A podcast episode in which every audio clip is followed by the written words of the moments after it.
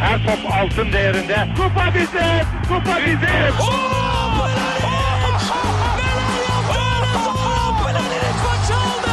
Dengeli de attı. İsabeti de buldu. Matta Fontervi. Zora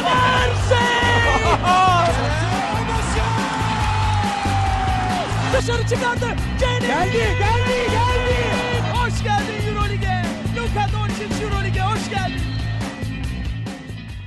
İkili Oyun'un 3. sezonunun ilk bölümüne toplamda da herhalde 95. bölüme hoş geldiniz. Ben Serkan Mutlu. Mikrofonun diğer ucunda dostlarım Ali Aktin ve Tancan Fümen var. Selam beyler özledik ya. Neredesiniz oğlum? Evet Selamlar. karşım ya. Özlettiniz Haftalardır diyorum ki hadi abi bir podcast yapalım millet bekliyor falan. İkisinden de cevap yok. Yani olacak iş değil. Oğlum ben işte paraları yedim. O Doğru. kadar sponsor parası bitmiyor yani biliyorsun. Yani herkes farkındadır ne kadar uzun bir yaz tatili yaptığımızın. Ya bizim iş böyle 9 ay çalışıyorsun, 3 ay yiyorsun abi. Abi ben komple unuttum zaten ne yaptığımızı. Hadi Tanca yine antrenmanla Twitch'ten falan yürüdü o. bir de oradan para basıyor. Tabii biz orada şu an bin aboneyle yürüyorum. Benim yemin ederim mikrofon falan tozlanmış ya öyle unutmuşum yani. Şimdi e, tabii aslında şöyle yayın yapalım dedik de ortalıkta pek bir gündem de yok. Hani öyle e, sular durgun diyebilirim. E, ama tabii en önemli gündemimize başlayayım. Tancan'ın muhteşem Twitch kanalı. Tancan biraz kendi reklamını yapmak ister misin? Binlerce Efendim dinleyicimizin. beni, beni mahcup ediyorsunuz ya teşekkür ederim. Yok gerçekten Öyle işte. ben girizgahı yapayım. Gerek işte çizgi roman olsun, gerek basketbol olsun, gerek ne olsun hayata dair her şeyi bulabildiğimiz her Hayat Herkes aşk doktoru şey Tancan Fümen'le. Valla girdik bir yola bakalım 35'inden sonra 20'lik sulara girdim ama bakalım neler olacak. Tancan sen bir. YouTuber mısın? Sen bir influencer mısın? Ben influencer'ım abi. Beni artık workshoplara, davetlere çağıracaklar. Ben de o kötü bu kötü deyip milyonlar kazanacağım. Şey yapacak Artık mısın peki hedefim böyle gülmeme challenge'ı, reaction videoları böyle ilk defa Abi şey dinlediğin bir açacağım sanatçı işte. falan. LeBron James videoları açıp böyle işte gülmeme challenge. Jordan videoları açıp bok atma challenge. Öyle şeyler yapacağız. Değişik değişik. Ben şeyi Her çok telden seviyorum. çalacağız ya. Tancan bilmem neyi izliyor videosu. Evet evet. Ama On- öyle o- abi onlar o, o şey gibi Cemre gibi o düştüğü anda ünlüsün zaten. Yani YouTube'a öyle bir videon düşüyorsa o ilk Cemre düşmüş oluyor. Sende daha yok herhalde. Yok canım biz fakiriz ya. Biz 70 kişi izliyor. Ama işte Olsun. basketbol analizi olsun ne bileyim böyle merak edenler varsa ya çaylaklar ne yapıyor yeni sezonda ne olacak falan filan orada da böyle değişik analiz video analizler yapıyorum yani ikili oyunda Tavanları değerlendiriyor musun abi? Tavan taban her türlü iç boya hizmeti verilir abi. Tabii bu arada e, bilmeyen çok kişi var. Gerçekten öyle. Derinlemesine böyle çizimli mizimli, görüntülü falan analizler için Tancan yapıştır adresini şu an. Twitch TV nokta tancan kaçırmayın. Slash Tancan. Tabii bunlar alışacaksın. Alışacaksın yavaş yavaş. Evet evet unutuyorum yani. Bir daha söyleyeyim. Twitch.tv slash tancan. Bu adrese girip Tancan'a sub atıyorsunuz. Çok zor bir iş değil yani. Ee, onun dışında kendi adreslerimizi de hatırlatayım tabii. Web site adresimiz ikilioyun.com, mail adresimiz selam ikilioyun.com. Telegram grubumuza hala bekleriz. t.me slash ikilioyun. Yayınlarımız Geek Yapar'ın YouTube kanalından eğer kovulmadıysak tabii. Ve Yok canım devam kovulma. güzel. Power FM'in Dükkan bizim. Power App platformundan dinlenebiliyor. Gerçekten hiç yolluyoruz koymuyorlar değil mi?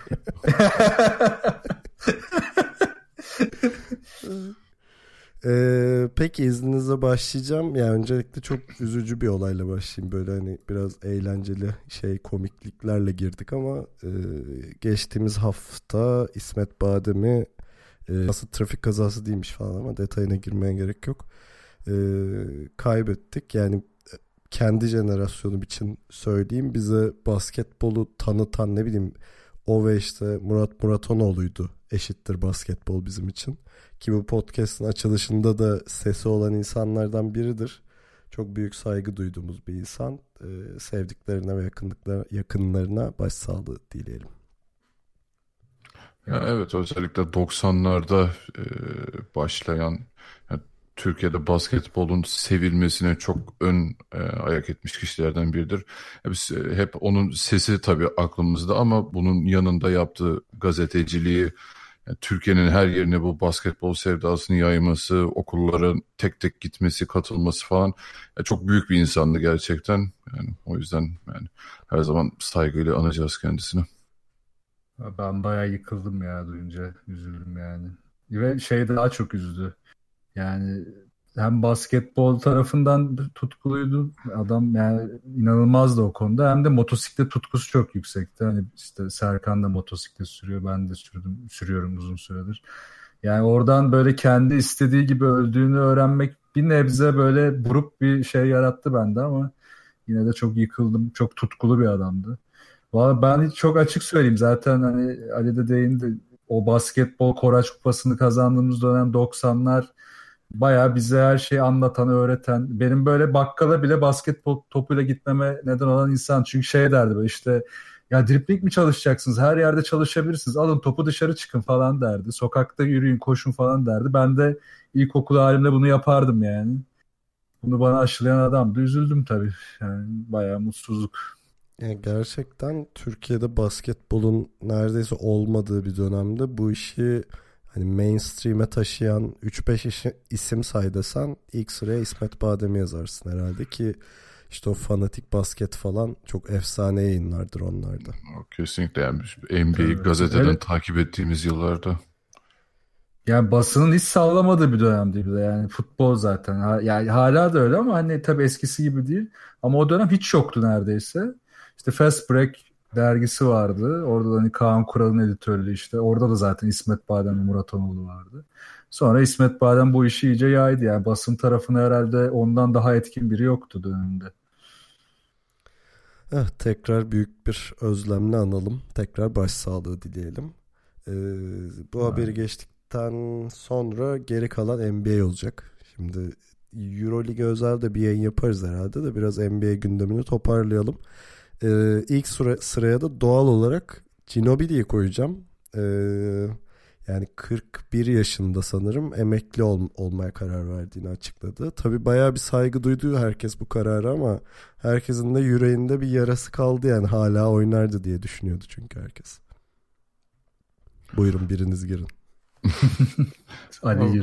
E, yani zaten geçen sene sonunda çıkmıştı bu e, söylentiler. Hani bıraksam mı bırakmasam mı bir sene daha oynamaya karar vermişti.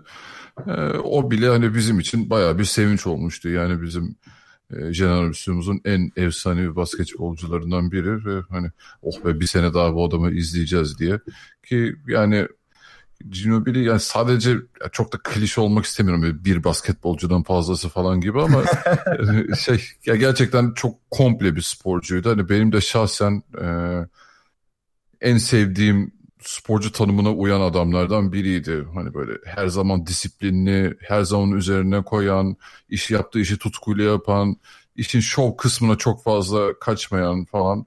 Yani yani başarılı olmadığı hiçbir alan olmadı. Yani NBA'de olsun, milli takımda olsun yani kazanılmadık madalya e, şampiyonluk bırakmadı. Ya tabii bu e, iyi bir sporcu olduğunu yani bu göstergesi değil, değil ama yani hep taçlandırdı yani bunlarla.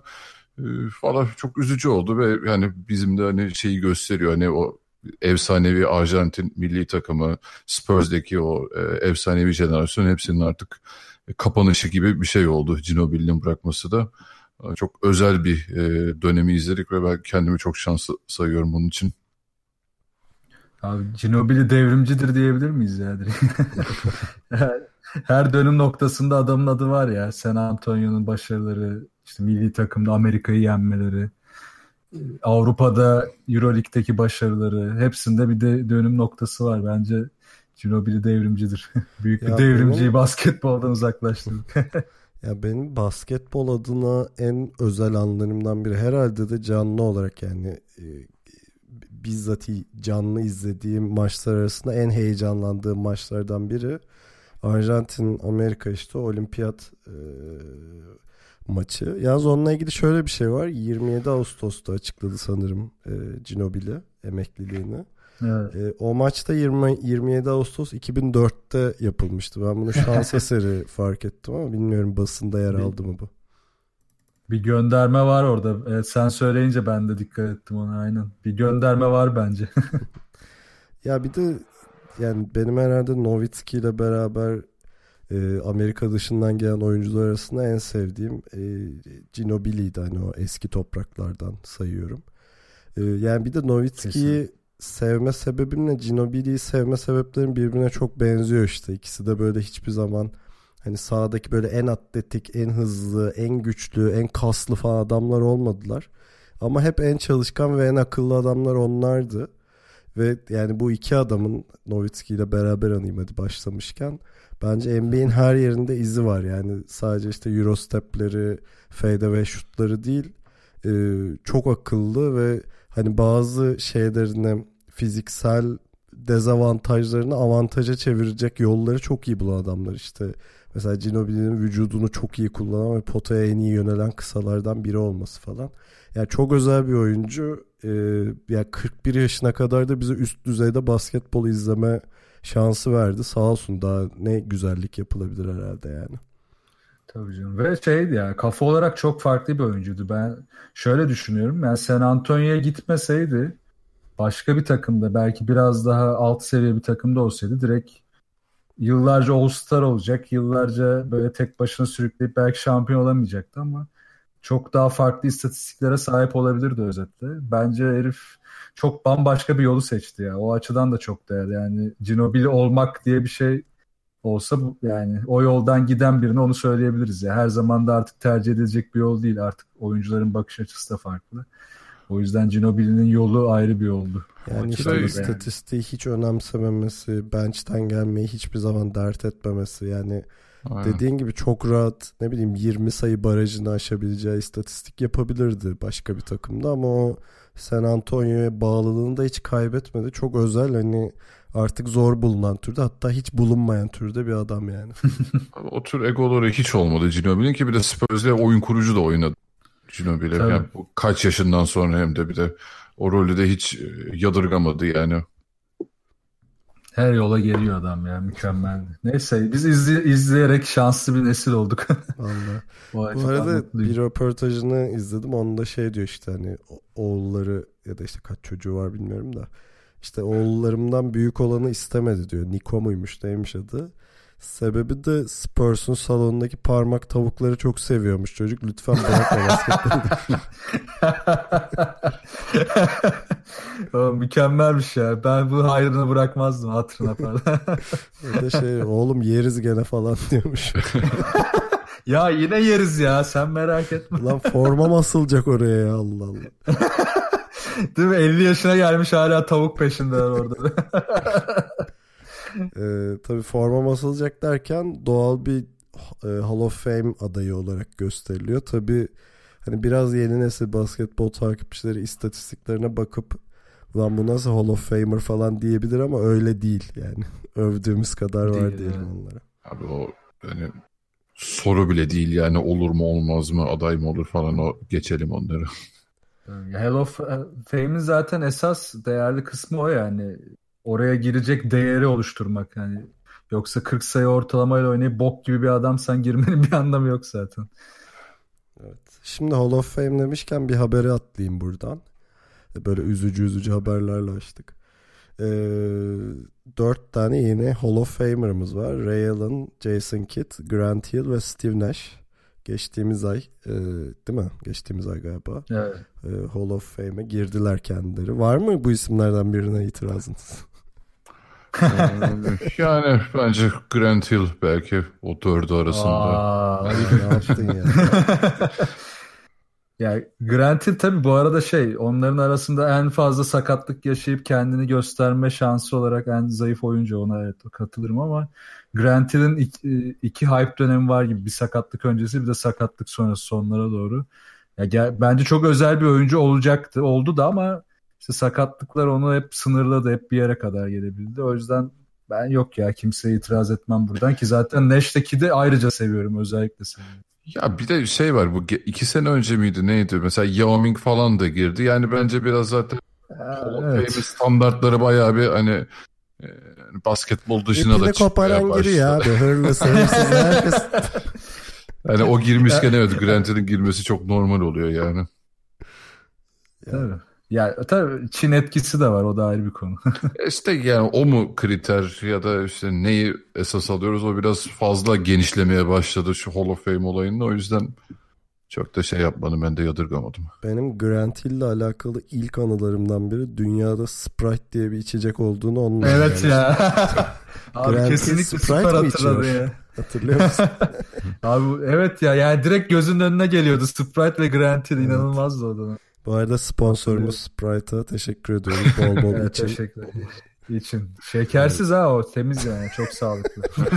Bu arada son ödemeler yatmadı bir an önce şey yaparsanız seviniriz onda. Hemen için sonra şey yaparız.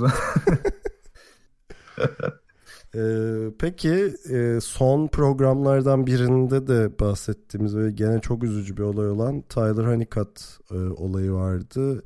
E, yaz sonuna doğru o olayın videosu çıkmıştı. Onun üzerine bir de yani onun üzerine derken kronolojik olarak onun üzerine e, Houston yardımcı antrenörü John Lucas'ın bir açıklaması var. İşte oyuncuların %40'ının ruh sağlığı sorunları var ve sadece %5'i yardım alıyor diye. Ee, tabii buradan Kevin Love'ı hatırlıyoruz. Demar DeRozan'ı hatırlıyoruz falan. Geçtiğimiz sene bu depresif halleri, borderline durumları açığa çıkmış oyunculardı. Ee, hani biraz bu konudan tekrar konuşalım istedim. Ee, Tancan senin söyleyeceğin şeyler vardır herhalde. Yani bu NBA'in temposu ve oyuncuların bir hani o yıldız olma aşkının getirdiği bir ya yıldız olma değil de işte iyi bir takımda oynama vesaire o aşkın getirdiği bir psikolojik baskı oluyor oyuncularda ve hani bunun negatif etkilerini giderek daha fazla görüyoruz. Bir de öyle bir dönemdeyiz yani. Ya kesinlikle öyle ve şey bunun kontrolü artık gidiyor. Bunun da nedeni tabii e, sosyal medya bence. Yani bu kadar baskıyı özellikle toplum tarafında kabul edilme, işte kabullenme. Yani sorun yaşanan oyuncuları mesela bir kenara bırakalım. Önceki haberleri düşünelim. İşte James Harden Twitter'da videolarımı gördüğüm için sinirlenmeye başlamıştım. Savunmama önem verdim. İşte Karl Anthony Towns aynı şekilde. Durant'i zaten biliyoruz. Ya bunlar aslında bu oyuncuların yaptığı şeyler de sağlıklı değil. Hani kızıyoruz ya bir yandan da abi işte sen ne takıyorsun ki bu insanları diye. Yani ister istemez takıyor çünkü orada tatmin etmesi gereken artık takımlar dışında yani takımını tatmin etmesi yüzde kırksa belki onun için en kolay şey. Çünkü zaten çok iyi oyuncu işte ya da çok iyi oyuncu olma yolunda giden birisi. Ama bir yandan da o yüzde altmışı işte basını, seyircileri, Twitter'ı, Instagram'ı, sponsoru, sponsorun getirdiği işte organizasyonu vesaire her şeyi tatmin ve mutlu etmesi lazım. Muhtemelen bu baskıyı artık birçok oyuncu kaldıramıyor ve bunu kaldıramadığında kabul etmek istemiyor. Koçun açıklaması o açıdan da değerli. Yani yardım almayı istememek şu korkuyu yarattı bende. Bir bir süre sonra maçların içinde de belki abuk subuk şeyler göreceğiz ya da mutsuz anlar yaşayacağız. İş iyice kontrolden çıkacak. Açıkçası o beni daha çok korkutuyor. Bu arada şeyin olayı zaten oydu. Kevin Love maç içinde panik atak geçirmişti mesela. Evet, E evet tabii bir biz maçın onu- böyle 10. dakikası falan çıkıp gitmişti maçtan. Hani Evet, evet. sakatlandı Aynen. falan Ya- sanıyorduk. Panik Heh. atak geçirmiş adam. Aynen biz onu sakatlandı falan. Belki dönüp birine yumruk atacak anladın mı bir gün ya seyirciyle bir bir şey olacak falan. Hani korkuyorum açıkçası o açıdan. Umarım daha da ileri gitmez ki hatta Türkiye'de de Mehmet Yağmur örneği var. Havalanında yatan Evet. basketbolcu. Yani bu işin öncesi de ki Amerika'da bu baskı daha da büyük. Hadi Türkiye'de zaten bu iş kısıtlı. Tabii onu küçük görmek için söylemiyorum ama hani her gün o bataklıktan kurtulmak isteyen tonlarca oyuncu var Amerika'da.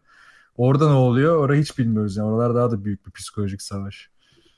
Tabii bu arada DeRozan gene bir açıklama yapmış. İşte insanlar depresyonda olduğunu söyleyince bir NBA yıldızının bu kadar zenginsin istediğin her şeyi satın alırsın diyor. İşte paranın saadet getirmediğini anlamalarını isterdim falan demiş. Böyle dolarla gözyaşlarını silmiş yani. ee, ya ama gerçekten bir yandan tabii ki de hak veriyoruz. Yani bu işin parayla hiçbir Evet. alakası yok bir yandan da. E yok tabii bir de seyirci işte şey istiyor ya yani süper kahraman gibi istiyor. Çizgi romandaki gibi olsun istiyor. Devamlı dövsün istiyor ama o adam hep dayak da yiyor yani o tarafa bakan yok. Bu arada çizgi roman demişken Tanca'nın Twitch yayınları araya reklam Serkan'cığım senin hesap numarasına ver bir bin lira attım mı? Onu şey yaparız yani. Ee, bu arada bu ruh sağlığı haberin üstünde Fangandi'nin bir açıklaması vardı. O da işte Pistons'tan ayrıldıktan sonra kayboldum. Eşim emekli olmamı istiyor diye bir yorumda bulunmuş. Ee, e, ko- ya bu iş koçlara da yansıyor. Bu yüzden hani biraz da bu haberi almıştım ben. Diğer koçları hiç soran yok. Herkes oyuncuları soruyor. Koçlar ne durumda? İşte Van Gundy'nin açıklaması o açıdan değerli. E, geçen yani... sezon sonunda Lou'nun bir sorunu olmuştu. Onun evet. da baskıyı kaldıramadığı vesaire bir şey vardı onda da. Çok normal değil mi ya? Yani şey zaten bu kadar değerli adamlar sürekli göz önündeler. Bir de yani bunları sen hani tek başına yani tabii ki de ekip var ama hani hepsini kontrol etmek zorundasın. Ee, onlarla bir iletişim kurmak zorundasın. Belli bir seviyede tutmak zorundasın falan. Yani onların işi belki oyunculardan daha da zor olabiliyordur yeri geldiğinde. Kesinlikle. Yani her, her oyuncu kendiyle uğraşıyor. Adam 15 ile uğraşıyor. Bir de 15'inin işte menajeriydi, cartıydı, cürtüydü. Onlar Yıldız da... egosuydu vesairesiydi falan. Olmaz. Yani zor. Orada da işler zor. İşte biraz yani izlerken tabii biz de çok eleştiriyoruz, şey yapıyoruz da biraz buraları düşünmek lazım yer yer. Evet. Eleştirmeden önce düşünün bu adamın derdi var mı, ilacını almış mı falan. Değil mi? Bir, gel otur kardeşim diyeyim bir sorun. ne derdim var. Ee, peki Amerika'nın dertli gündemlerinden bir tanesi de geçtiğimiz haftalarda bu Nike ve e, Kaepernick olayıydı. E, takip etmeyenler için biraz özetleyeyim işte bu bu sene Just Do It kampanyasının Nike'ın sponsorumuz. E, çok severiz ayakkabılarını. Evet. E, 30. 30. yılıydı ve işte Serena Williams ve LeBron James'le beraber Kaepernick bu e, NFL'in e, quarterback oluyordu bu herif? Ünlü quarterback'lardan biri herhalde.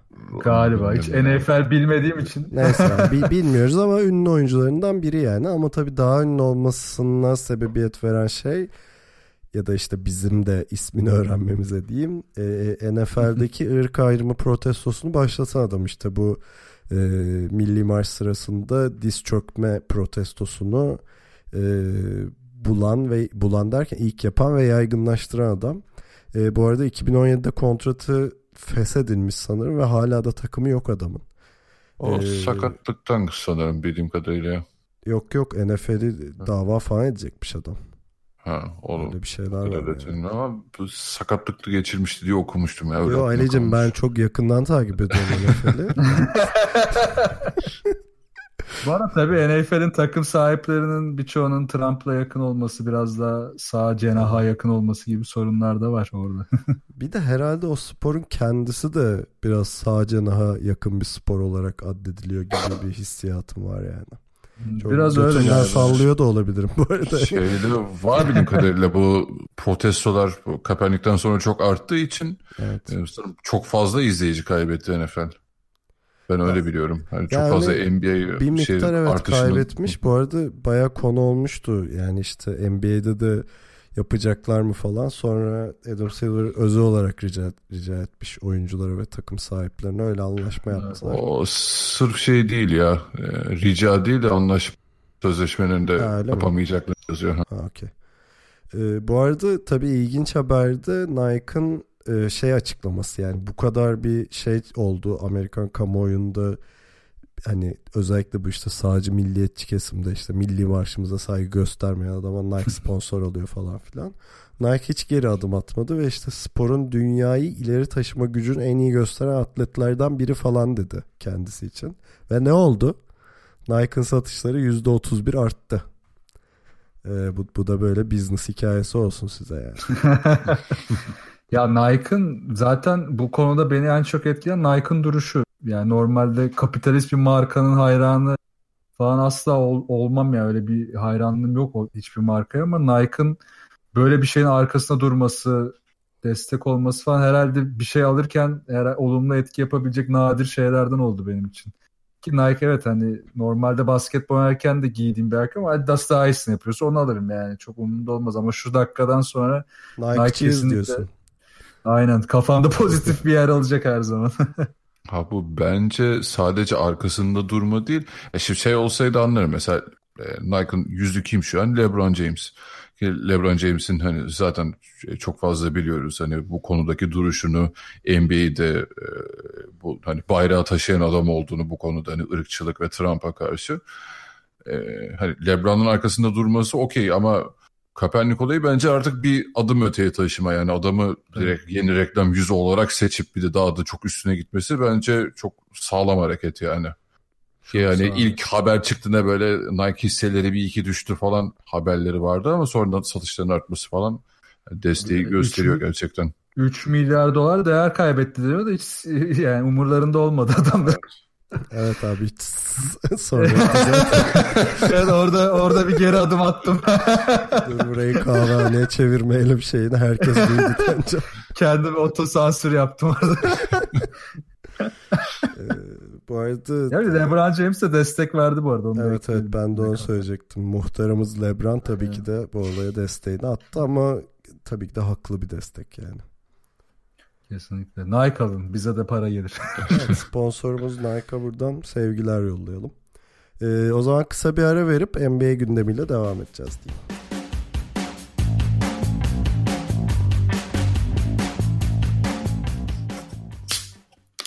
Oh rahat ol Ali ya. Gir abi. Surprise. Aa, hakikaten lan keşke orada yapsaydım. Gir abi Sprite veriyorum. Şöyle Hazır mısın? Gulup gulup gulup diye falan. Ee, peki Carmelo Anthony ile devam edeceğiz. Zaten kendinden bir şekilde konuşturuyor sağ olsun. Son yayınlardan birinde de konuşmuştuk bu Rockets'a transferini tabii.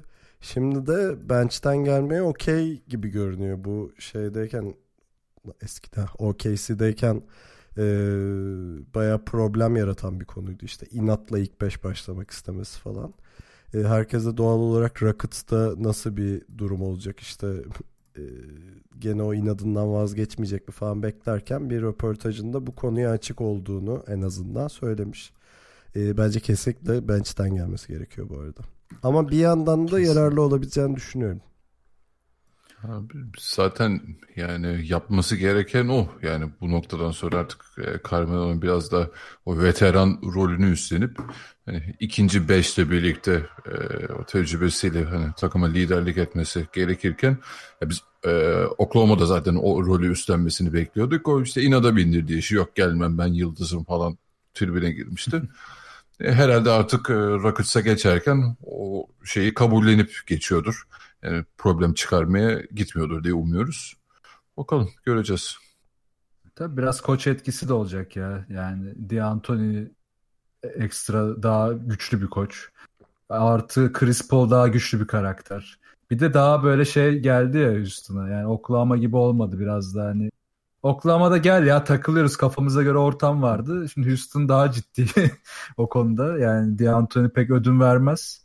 Chris Paul'un da ben bu yaştan sonra 4 sene kontrat yapıp artık şampiyonluktan uzaklaşabilecek bir hale gelmesini düşüneceğini zannetmiyorum. O yüzden Carmelo bence de bench'ten gelmeyi kabul edecek. Ki Serkan aslında kısmen katılıyorum yani bench'ten de gelirse işte o köşe şutör olmaya karar verir biraz daha reboundlara ağırlık veren ve işte hani kenardan geldiği dönemde ya da sadece o sahadayken top kullanmaya ağırlık verirse bir şeyler olabilir ama yoksa tutturursa yani Houston çok fazla ona katlanmaz tribünden gelir bu sefer orada takılır. yani geçen sene Chris Paul'un sakatlığında yani Rockets'ın yaşadıklarını biliyoruz biraz. En azından hani ona bir alternatif yaratsa bile e, kardır yani Rockets için diyelim. Kesinlikle. Peki beni çok yaralayan bir haberle devam ediyorum. Yani bu olayın bizzat içinde ve takipçisiyim. Miami Dragic'i takaslamak istiyorum. Sana bilgisi gelmedi mi abi özelden? Bana geldi abi. Gerçek olduğuna inanmak istemedim önce. önce birkaç damla yaş gözlerimden süzüldü. ya bu arada e, mantıksız gelmiyor hani baktığında duruma e, bir oyuncu fazlası durumu var Miami Heat'te. E, tabii bir de cap cehenneminde herifler. Galiba luxury ödeyecekler falan. E, evet. O yüzden hani bir yandan da ne uzar ne kısalır bir halleri de var. E, gerçi bir an bir, bir taraftan bakınca da LeBron gitti. Yani doğuda çok daha iddialı olabilirler falan ama birkaç isim de var. Öncelikle yorumlarınızı alayım sonra o isimleri söylerim. Ya Miami'nin şu durumu var. Takas değeri olan tek oyuncusu Dragic ya. Öyle bir sorun var.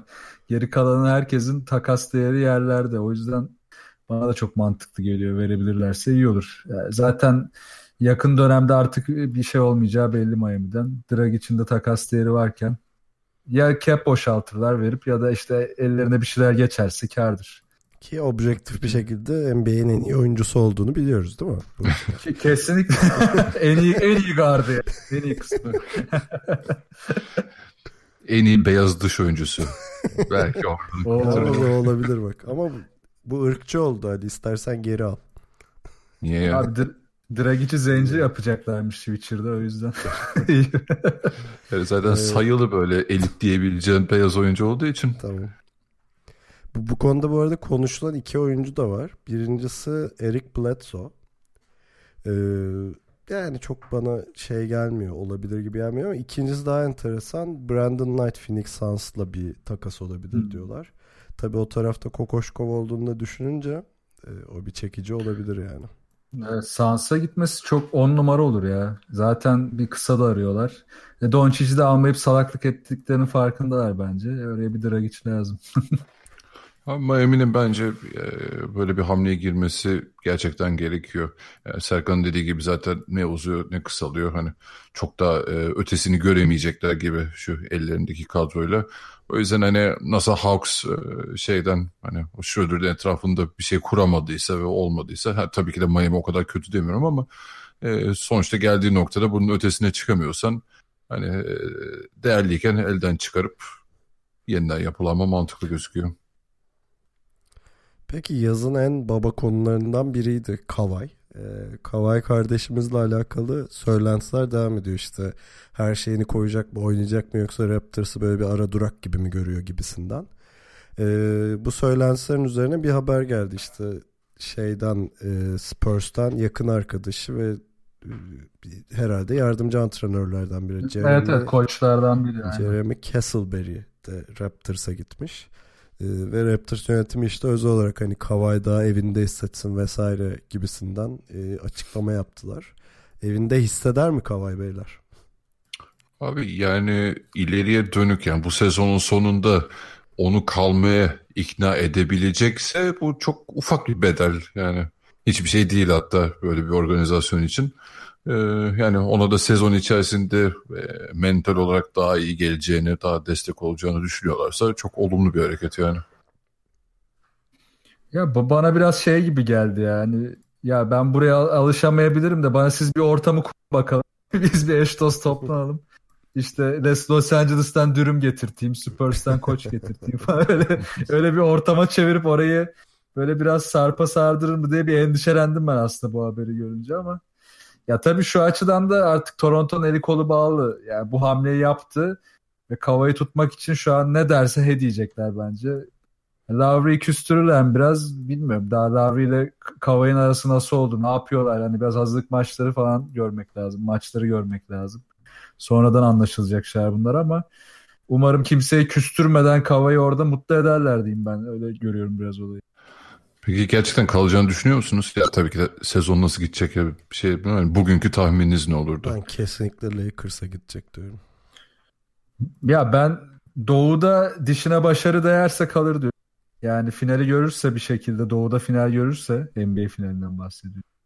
Bence kalabilir. Çünkü Batı'nın o kaosuna tekrar girer mi? Ya da bilmiyorum oradaki işte hayatı nasıl olur. Biraz da bu ergenlikleri de var ama ben kalma ihtimali olduğunu düşünüyorum. Yani şimdi Doğu finalinden çıkma ihtimalleri yok zaten onu bir geçelim de. Bas, Boston lobisi hemen devreye girdi. Ya. Şaşmak. Kawhi Lakers'a hayırlı olsun diyor. Okul bakıyormuş abi Lakers. Los Angeles'ta değil ama Lakers'ta bakıyormuş. Dürümcü bakıyormuş. Dürümcü bakıyor. Peki Lakers'la adı anılan bir isim daha var. Jimmy Butler adı anılan derken hiçbir şekilde resmi değil de işte insanların fan fiction olarak yazdığı konulardan biri. Ee, o da Thibodeau'yla bir geleceğini konuşacakmış bu sene son kontrat senesi. İşte sonrasında ne yapılacağı bir e, muamma. Zaten o yüzden bir Lakers dedikodusu devamlı çıkıyor. E, ben Lakers'a hiç olmayacak bir oyuncu düşünüyor, olduğunu düşünüyorum Butler'ın ama e, biraz tabii Minnesota'daki geleceğini de konuşalım. Ya herhalde şey paniği oldu Minnesota'da. Bu bir şey su kaynattı ya yaz başı gibi ortasına doğru falan. Aha. Ondan sonra herhalde Minnesota acı sen kalmayacaksan e, biz de seni takaslayalım paniğine girdi herhalde. Yani bu döngüye girip takaslanırsa sezon ortasında çok ilginç şeyler de görebiliriz. Çünkü bu durumda yok pahasına ellerinden çıkarabilirler ki yoksa sezon sonunda hiçbir şey alamadan yollayacaklar. O zaman Lakers'a giderse hele sezon ortasında böyle bir şey olursa çok eğleniriz yani. Lakers şampiyon diyoruz. Şampi. Şampi. ya ben bu arada niye şey bence olur ya Lakers'a hatta LeBron'la yan yana çok ıı, sert olurlar yani. Bayağı böyle ben beton işte gibi. LeBron'la fazla çakışacaklarını düşünüyorum o yüzden. Yani hmm. oyun e, konum anlamıyla, pozisyon anlamıyla. Anladım. Değil tabii kafa yapısı biraz daha şey gibi bence. Hani leadership var evet hani daha çekip çevirme ama takım onun istediği gibi olursa da böyle şey gibi çok iyi bir e, ne denir yardımcı müdür, müdür yardımcısı da olabilir yani. Hani müdür olmaz ama onu tamamlayan müdür yardımcısı olabilir. ben şöyle düşünüyorum. E, bu arada şey haberleri vardı. E, LeBron'un bu sene hani geçen sene kadar çok oynamayacağının e, haberleri çıktı. Hani biraz daha e, şey az süre alacakmış geçen seneye göre. Belki şey diye değerlendiriyor olabilirler. böyle bir açıklama mı yaptı? Beyler bu sene o kadar oynamayacağım falan mı? Ee, şeyden hani sonuçta bu Lakers'ın bir yapılanma seni büyük hamleyi daha e, bu sezon sonunda yapacaklar o cap space'ten falan. Hani öyle bir durum varsa bence Jimmy Butler cuk oturabilir e, öyle bir role. Ki şu var yani ben yani siz bilmiyorum da benim Minnesota'dan bir beklentim artık kalmadı. Yıllardır bekle babam bekle burada çürüdük yani bir şey olacak diye. hani artık Jimmy Butler gibi bir adam bile bu takıma bir e, ritim kazandıramadıysa yani bundan sonrası ben çok olabilitesini görmüyorum açıkçası. Yani Wiggins'lerle falan yani orada istenilen şey olmuyor. Thibodeau'da da olmuyor. Ve biliyorsunuz bunları böyle şey beş adam seçip baştan sona oynattığı için ya bu adamların şey e, sağlığı riske giriyor artık bunu da zaten çok konuşmuştuk eleştirmiştik sezon içerisinde. E, yani Minnesota bunun karşısında iyi bir şey alacaksa ben Jimmy Butler'ın ayrılmasını tercih ederim açıkçası. Ya bir de orada şöyle bir haklı bir durum var yani Minnesota açısından. Ee, şimdi Anthony Towns'la anlaşamadığı belli Butler'ın. Zaten hani bu ergenlerle hiç çekilmiyor gibi de bir muhabbet olmuştu. E şimdi Towns'ın yaşıyla Butler'ın yaşına bakınca da Minnesota'nın gidip ikisini barıştıramıyorsa Butler'a yatırım, yap, yatırım yapmayacağı artık belli olur yani. Ee, yani Butler'ın da orada bir şey yapamamasının nedeni zaten aslında bence oyuncular da değil. Olay koçtan kaynaklanıyor da Minnesota'nın e, tabii Thibodeau da yönetici olduğu için aynı zamanda ondan kurtulma gibi bir hamlesi de olmayınca işte durum böyle boka sarıyor. Yani geçen sene tabii bunun suçlusu bence Denver ve Malone'dur ama neyse işte adamları son anda playoff'a sokup hı hı. E, kaosa soktular. Onların işine yaradı. Denver Minnesota'nın önüne geçer bu sene. ee, peki son konum benim listedeki Cedi. Ee, geçtiğimiz evet. sene Reddit'te falan zaten en çok konuşulan oyunculardan biriydi. Hani kendi içinde bir mime dönüşmüştü.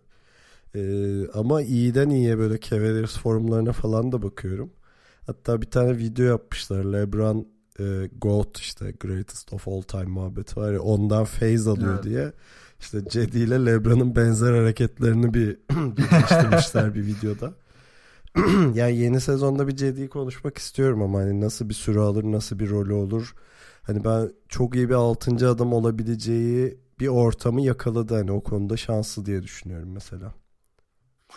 Valla bu sene içerisinde öyle kaç maç olur bilmiyorum ama 5 çıkarsa da ben şaşırmam. Abi şu, adam yok ki zaten. Evet Cleveland'ın şu haliyle hiç şaşırmam. 5 çıkar ama ya 5 çıkabilir ama ben hani karakter olarak o 6. adam rolüne en kötü çok iyi yani on, onun için çok e, nasıl diyeyim ayağına böyle bir şans gelmiş olacak yani. O kadar kötü bir takımda şu anda. Yani vallahi ciddi eline gelen şansı çok iyi değerlendirdi şu ana kadar ya. O videolar hani tamam biraz da meme olayı var ama hani e, LeBron'dan o bir sene içerisinde çok fazla şey aldığı belli. şutunu geliştirdi. Hani o hatta Korver'la da karşılaştırdılar. Hani e, Kyle Korver'ın şutuna benzemeye başladı. Cedi'nin şutu diye bir şeyler de vardı. Konular vardı. Evet. Giderek daha hızlı Benziyor. şut atmaya başladı falan. Ee, yani bakalım artık biraz da Kevin Love'dan alacak herhalde artık bu sene. Bu arada hem hızlı çıkarıyor hem bir stili de mekaniği de biraz değişmiş. Yani daha evet, bir evet. bileği bir Kyle Korver gibi dönüyor öyle diyeyim. Şimdi Evet anladım demek istedim. Daha biraz daha yükselmiş. Daha yukarıdan çıkarıyor. Bir de daha ilk adımının üstünden daha hızlı yükseliyor. Önceden biraz daha ağırdı. Evet o açıdan Korver'a benziyor. Sen ben bir... e, Tancan bu Twitch'te şey yapmış mıydın bu konuyu?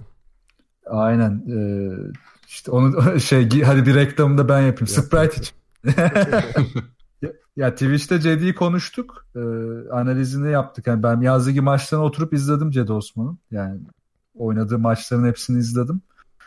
Özellikle şu hoşuma gitti. Ee, Cleveland kenar yönetimi Cedi'den farklı roller istiyor. Yani top yönlendirme işini mesela bir maçta komple verdiler.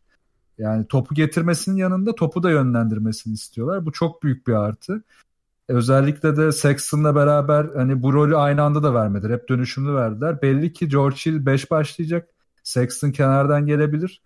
O durumların çoğunda da Cedi Osman ilk 5'te olabilir. Bu onun için çok değerli. Topa da yön verecek. İkinci konu zaten sizin söylediğiniz şut konusu. Şutunu inanılmaz hızlandırmış. Tek sorun dribbling üzerinden şutu kötü hala ama kattan çıkınca ya da işte slow bir oyun üzerinden işte ufak bir bacak arası üzerinden falan kaldırıp attığı şutlar acayip iyi durumda. Onları çok geliştirmiş. Ama her şeyden önemlisi işte bu top yönlendirme işi. Eğer Cleveland onu 5 başlatıp ağırlıklı olarak topu yönlendirmeyi de Cedi'ye verirse yer yer yani tabii ağırlıklı dediğim oynadığı maçlarda iyi iş yapabilir. İki, bir konuda şey yine Ali'nin dediği Kevin Love'dan da rol çalabilir. Şöyle dört numarada savunma yapmasını da istediler yaz liginde yer yer. Dört numaraları da savundu. Özellikle o, o rolde hani ona uyabilecek biraz daha onun fiziğine yakın dört numaralar geldiğinde onu dörde çekip işte farklı bir rotasyon yaratabilir miyiz de düşünmüş Cleveland yönet kenar yönetimi. Bunu da düşünüyorlar. Bence bayağı Cedi'nin üstüne kafa yoruyorlar. En önemlisi de bu. Yani yaz ligini Cedi Osman bayağı faydalı geçirmiş bu açıdan. Yani LeBron James'te çıkan o fotoğrafı boşa değilmiş. Onu anladım. ha bir tane de şey mimi geldi aklıma. Bu Kevin Durant, LeBron James, Cedi, biri daha. Ha. Chris Paul muydu? Ka- fotoğrafı diyorsun değil ha, mi? Kavay, Kavay, Kavay, Kavay tamam. Kavay vardı aynen. Ha, Kavay'ın elleri attı. Ha, şey mimi vardı. Cedi Osman hayranlarıyla fotoğraf çekti. o idmara gel. İlluminati abi işte orası çok acayip. Bütün babalar orada. Ya bir de o fotoğraf önemli bir şey ya. Yani şakası bir yana o oyuncuların seni kabul edip oraya çağırması hani şeydir ya Rocker Park falan da öyledir. Hani sokakta oynuyorsan bir yere kabul görüyorsan sen belli ki bir üst sınıfa çık, çıkmışsın demektir. Bu Cedi'nin geleceği için çok önemli. Ben Cedi'nin geleceğini çok parlak görüyorum açıkçası NBA'de. Bu arada tabii Cedi şey şansını da çok iyi kullandı. Hani en parlayan tarafı geçtiğimiz sene o dökülen Cavaliers'ta hep böyle pozitif olan iki dakika oynayacak olsa bile sahaya her şeyini koyan e, tabii LeBron'u da çok sevdiği adam olarak. Hani o pozitifliği çok iyi yansıdı ve şimdi hani önünde şey avantajı var gerçekten de hani güçlerinden arınmış çok büyük bir iddiası olmayan bir Cavaliers'ta yer yer işte ilk 5 yer yer 6. adam olarak girebileceği ve kendini geliştirebileceği bir ortam var. Ben ben de gerçekten geleceğinin parlak ve önünün açık olduğunu düşünüyorum. Şey tespitin bence çok yerinde oldu işte o pozitif katkı şeye yaradı. E, taraftarla direkt iyi iletişim kurmasına yaradı. Hani demin başta konuştuk ya oyuncular taraftardan da çok baskı yiyor kötü anlamda. E biraz da bunun nedeni aslında oyuncuların o kötü iletişim kurması. Bunun nedeni hem sahada işte yüzde yüzünü vermemesi. Erken verip bence kendi açısından çok iyi bir enerji yakaladı orada. Ee, peki bitirmeden bir de Furkan'ı da konuşalım. Hadi bu kadar Cedi konuştuk. Ee, Tancan sen Furkan'ı da izlemiştin. Onunla alakalı görüşlerin nedir? Furkan'ı ya çok detaylı izlemedim de. Biraz daha üzerinde ama izlediğim maçlarında Furkan'da gördüğüm en büyük pozitiflik şu oldu. Hücumda o gerginliğini atmış. NBA'in mentalitesini anlamış. Biraz o G League'de oynaması da işine yaramış. Biraz daha şeyi hissetmiş. Yani ben burada nelerimi ön plana çıkarırsam kalıcı olabilirim. Tabii Furkan şu an Cedi kadar önde değil. Sakatlığından dolayı da sorunlar yaşadı.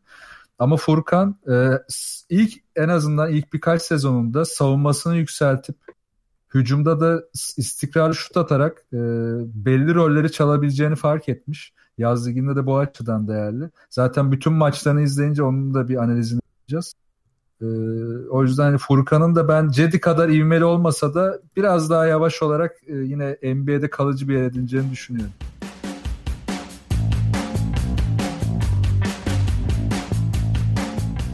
İkili Oyun'un 3. sezonunun ilk bölümünü toplamda 95. bölümünü dinlediğiniz için çok teşekkür ederiz. Vallahi özlemiştim ya bir yandan hoşuma da gitti. Hafif hastayım bu arada sesim için de kusura bakmayın.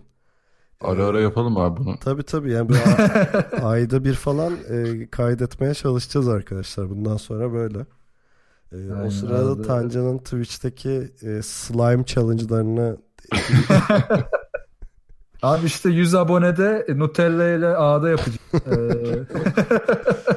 Bininci abonede artık bir şey bulacağız. Çok ileri götür. Şey yap abi Nusret'e gidip 10 lira ödemeye çalış falan. Nusret'e gidip ben daya, dayağımı yiyip çıkarım abi. Soslu bir dayak yeriz oradan.